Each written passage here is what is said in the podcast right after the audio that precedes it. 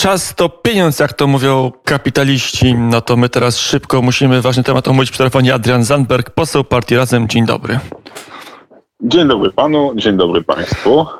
Mm, na małe smoltoki o Ukrainie czasu nam nie starczy, ale o jednej ważnej ustawie mam nadzieję mm, powiemy. Dzisiejsze gazety żyją wczorajszym Sejmem, a wczoraj w Sejmie rano mm, gruchnęła wiadomość, że jedna z istotnych ustaw ekonomicznych dla Mateusza Morawieckiego, przekształcenie OFE zostało zdjęte z obrad, nie będzie głosowane, bo nie ma większości. Dużośmy mówili kiedyś o tej ustawie w Radio Wnet, potem przyszła pandemia, przyszły rzeczy ważne i tak po cichu trochę Sejm bez większej naszej uwagi nad tą ustawą procedował. Ustawą, która przekazuje środki z OFE, likwiduje te OFE, ale nie przekazuje do ZUS-u, tylko przekazuje znowu do prywatnych podmiotów. Jak pan poseł, jak lewica do tej propozycji się odnosi? Ja mówiłem o tym podczas e, ostatniego posiedzenia Sejmu, kiedy ta ustawa wróciła. Moim zdaniem to jest ustawa znowu napisana pod interes rynków finansowych. E, trochę w myśl tej samej logiki, która stała za OFE, jakiejś takiej zupełnie obłędnej wiary, że prywatyzacja emerytur to jest rozwiązanie wszelkich problemów i lek na całe zło.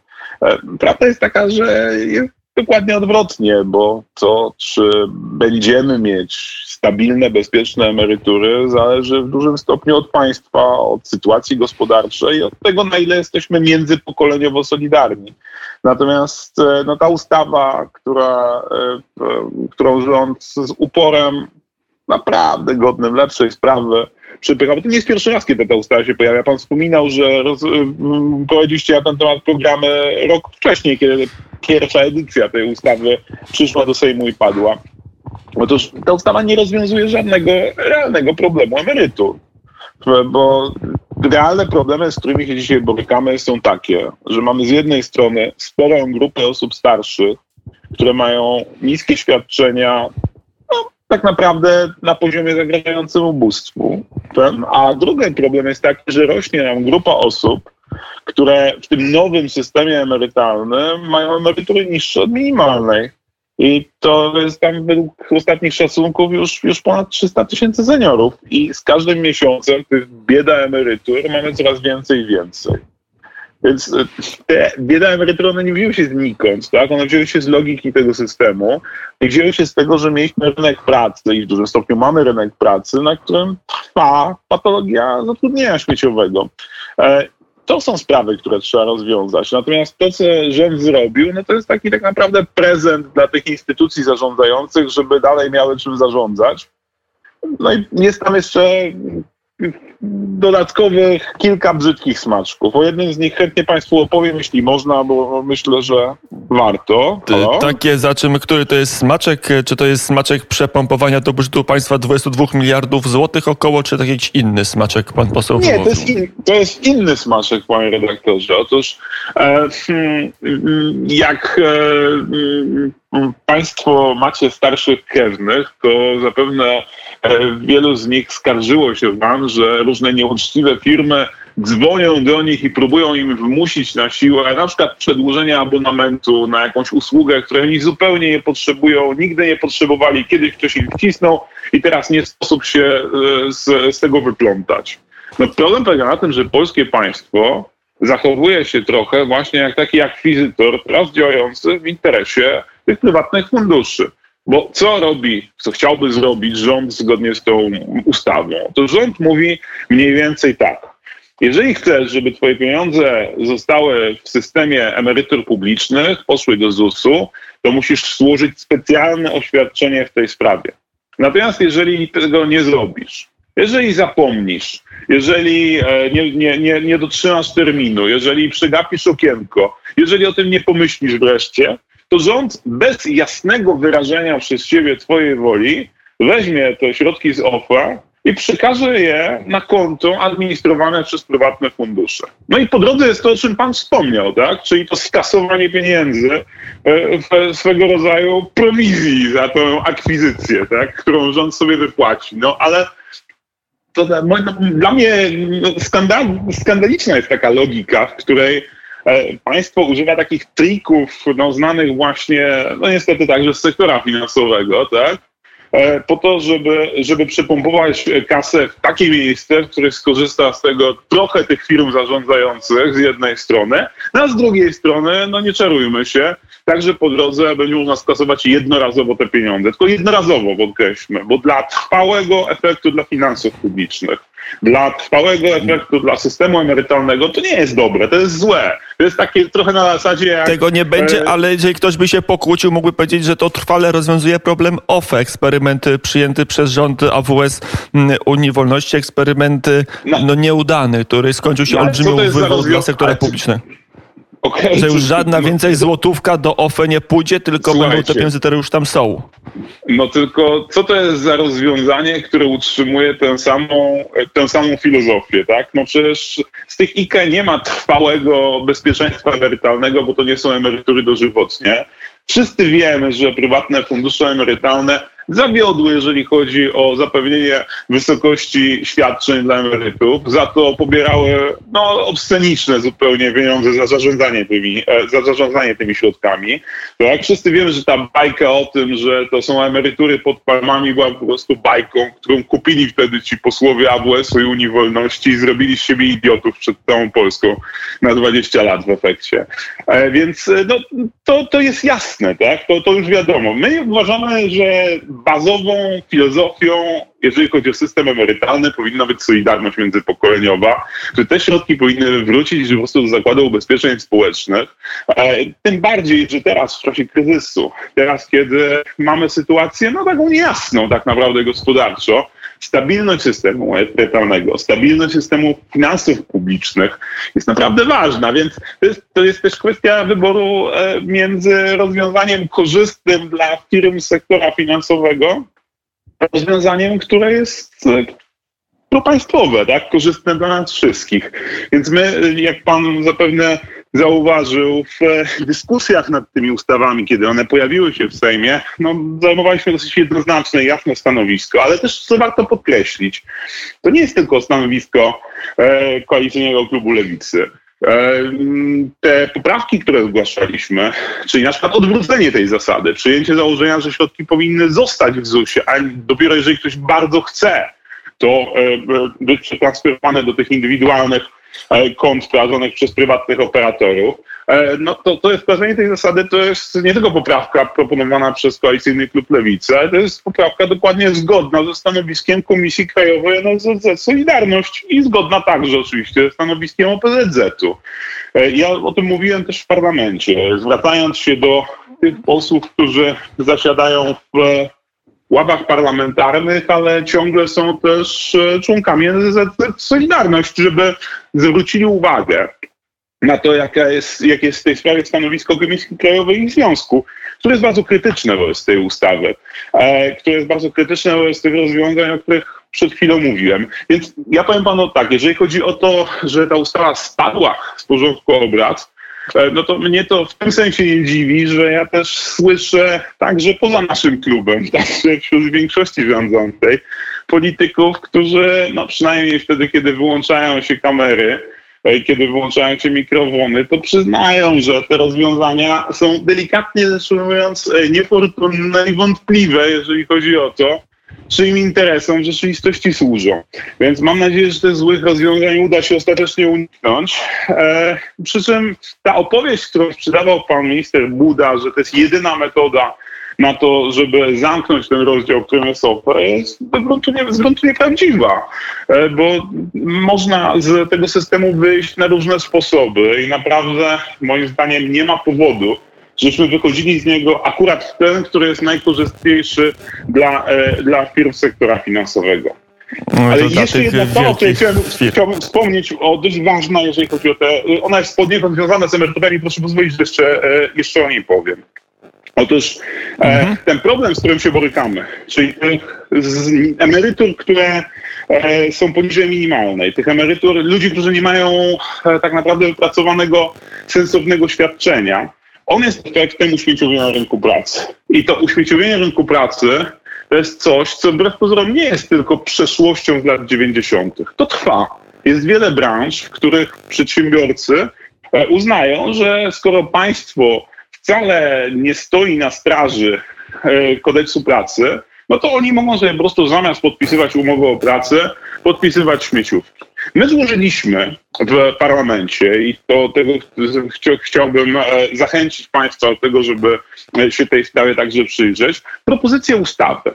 Propozycję ustawy, która daje Państwowej Inspekcji Pracy realne w końcu narzędzie do tego, żeby walczyć z umowami śmieciowymi. Bo dzisiaj jest tak, że zgodnie z kodeksem, jeżeli ktoś pracuje pod nadzorem szefa w miejscu i w czasie wyznaczonym przez tego szefa, to po prostu umowa o pracę mu się należy. Ale żeby tę umowę o pracę wywalczyć, to trzeba pójść do sądu pracy. I na przykład w Warszawie trzeba czekać lata, zanim dojdzie do takiego procesu. My proponujemy rozwiązanie bardzo proste i zdroworozsądkowe.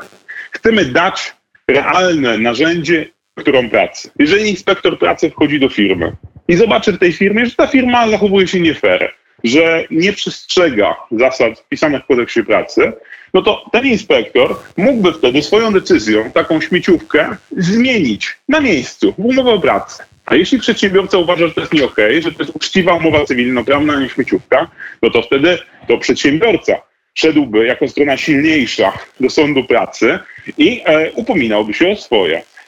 Bo myślę sobie, że to, z czym mamy w Polsce do czynienia i czego jakimś takim odbiciem złym jest e, to, jak dzisiaj zaczyna wyglądać sytuacja tych młodych emerytów, którzy e, względnie młodych, w sensie osiągających wiek emerytalny, którzy teraz e, powoli wchodzą w, do systemu emerytalnego, to jest to, że my teoretycznie na papierze mamy prawo pracy, które chroni interes pracownika i przyszłego emeryta, ale w praktyce w bardzo wielu branżach ono nie jest przestrzegane i to trzeba w końcu zmienić. My, e, Chociaż, to jest żeby... ustaw z całej serii ustaw, które składamy dotyczących właśnie tego, żeby... Panie pośle, co...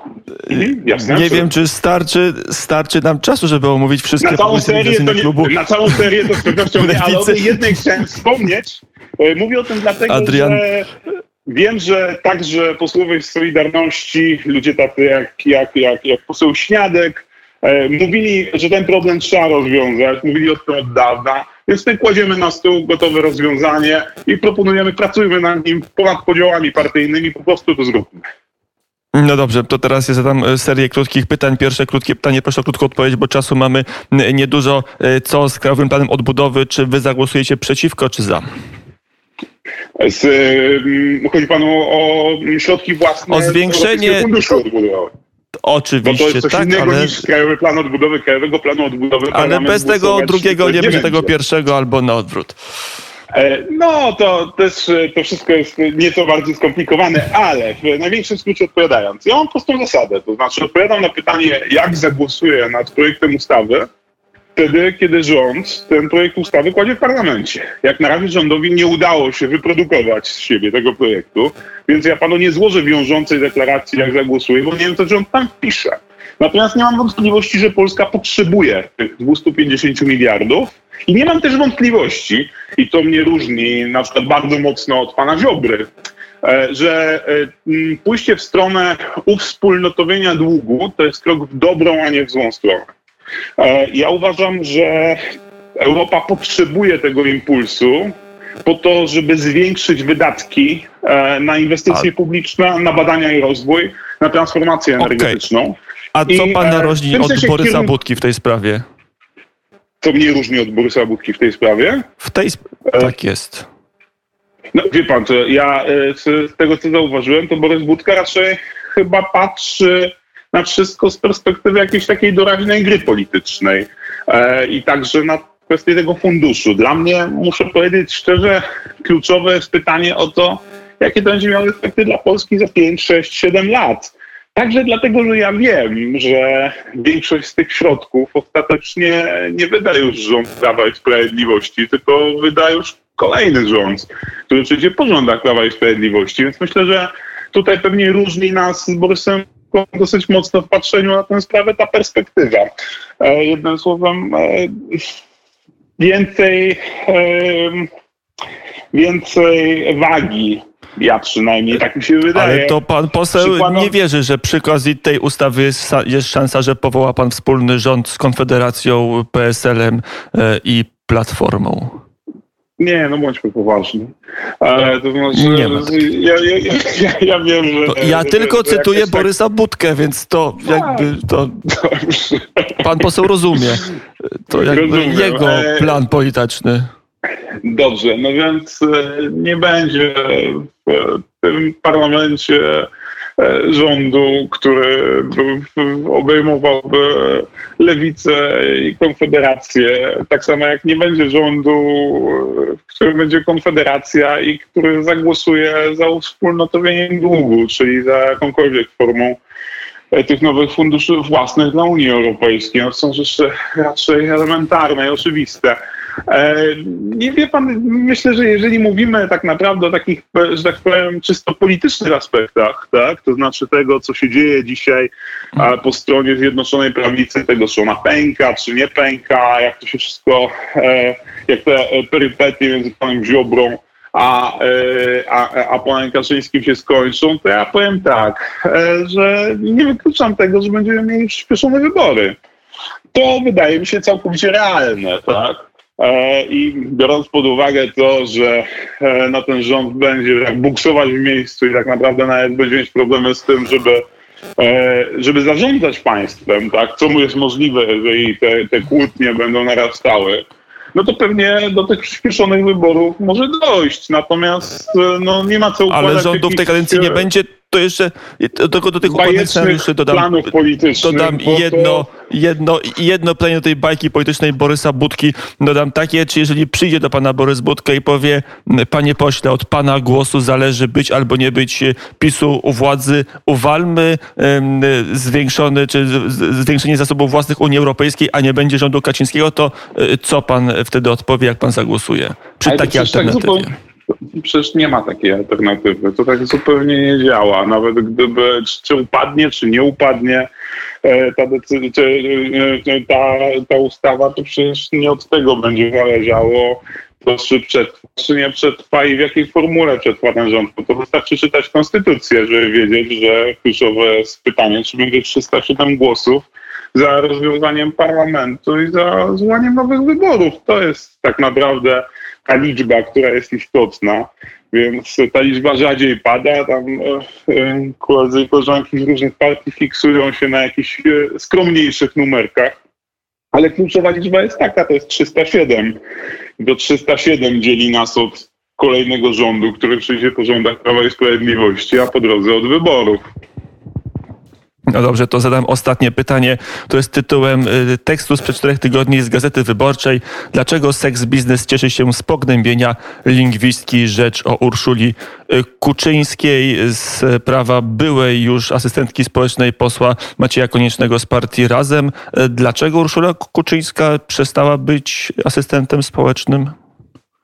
No ale to decyzja Macieja Koniecznego. Każdy poseł podejmuje decyzję o tym, kto pełni rolę asystentów społecznych w, w, w, w jego ekipie, więc ja tutaj pewnie nie jestem najlepszym adresatem tego pytania.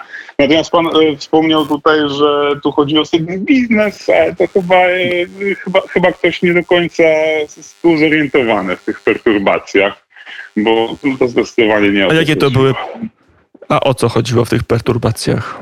Nie, tam były, pojawiły się kontrowersje wokół wypowiedzi Urszuli Kuszyńskiej w internecie i mm, pojawiły się zarzuty, że, że to były wypowiedzi dyskryminujące i krzywdzące wobec osób transpłciowych, a, a moja A partia jakie takie to były wypowiedzi? Moja partia te sprawy traktuje poważnie, więc po prostu wyjaśniają to organy dyscyplinarne, ale to ja panu tutaj specjalnie wiele nie powiem, bo tak jak powiedziałem, no to zajmują się u nas odpowiednie organy. Ja w nich nie zasiadam, nie jestem członkiem organów dyscyplinarnych, a prawo, partia Razem nie jest prawem i sprawiedliwością, e, w której e, To jego bardzo ładny bomot, natomiast nie wiem, czy on wiele wyjaśnia, bo jak się spojrzy na hejt, który się wylał na Urszulę Kuczyńską, także chociażby od innych asystentów społecznych, chociażby pani poseł Dziemianowicz-Bąk, który się pytał, czy terfów, czyli radykalne feministki trzeba razić prądem, czy nie trzeba, no to sprawa przestaje być przyjemna i, i bomoty nie wystarczą. Ale to nie, jeżeli pyta mnie pan, co ja sądzę o tym, że ktoś wypowiada się w sposób agresywny i łamiący zasady, no to ja tak, takie wypowiedzi oczywiście potępiam. To chyba jest oczywiste dla każdego. Więc A dlaczego najpierw pan bronił Urszuli Kuszyńskiej, a potem pan tą obronę wycofał? A w jakim sensie bronił? Nie, to jak mówię, No, myślę, że najpierw pan pierwsze tutaj- pana stanowisko było takie, że, Ursz, że wypowiedź Urszuli Kuczyńskiej dla Gazety Wyborczej mieści się e, w przyjętych przez partię Razem formach debaty i jest dozwolone. Potem, e, no, potem Urszula Kuczyńska została zawieszona, przestała być asystentką społeczną, no i czuła pewne rozżalenie, pewien brak wsparcia ze strony kolegów. Ale te kontrowersje dotyczyły innych wypowiedzi. Właśnie, tak jak pan powiedziałem przed chwilą, dotyczyły wypowiedzi w internecie. I to z tego powodu e, jest prowadzone to postępowanie dyscyplinarne, nie z powodu jej wypowiedzi w Gazecie Wyborczej.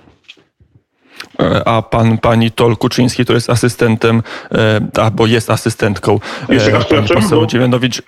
Tol Kuczyński, tak się przedstawia osoba, która jest asystentem społecznym, czy osobą asystentującą społecznie pani poseł Dziemianowicz-Bąk, która mówiła, że te terfy, czyli te radykalne feministki trzeba razić prądem. To dalej powinien być tym asystentem, czy już nie powinna być asystentem? Ja Jak nie wiem myśli? nic o tym, nic, nic nie wiem o tym, że ta osoba była e, asystentką. E, Agnieszka Dziemianowicz-Bąk nie jest członkinią partii Razem, więc e, no, to ja No, nie jeden jestem... klub parlamentarny. Nie, jest, nie jestem adresatem tego pytania, a i też nawet szczerze mówiąc, e, chyba od pana się dowiaduję, że to jest, e, że, że, że taka historia miała miejsce. Wyślę panu posłowi screeny, to będziecie mieli nad czym dyskutować, bo te screeny pokazują zupełnie drugą twarz lewicy. Raz można dać OFE, a potem jak się patrzy głębiej, to nagle e, człowiekowi zimny pot spływa po plecach, jak sobie poczyta, e, co tam, jak się, jak e, sobie nawzajem uprzejmości wymieniają politycy e, i działacze lewicy. To też jest ciekawa historia. Dobrze, miało być 10 minut, wysłał nam 22 minuty, panie pośle. Bardzo przepraszam za zabrany czas, ale e, kiedyś go panu oddam, jak wynajdę maszynę czasu. E, Wtedy wszystko będzie dobrze i nie będzie pan się spóźniał na spotkania, a Adrian Zandberg był gościem popołudniowym. Do Dziękuję bardzo, panie pośle. Do widzenia. Do usłyszenia.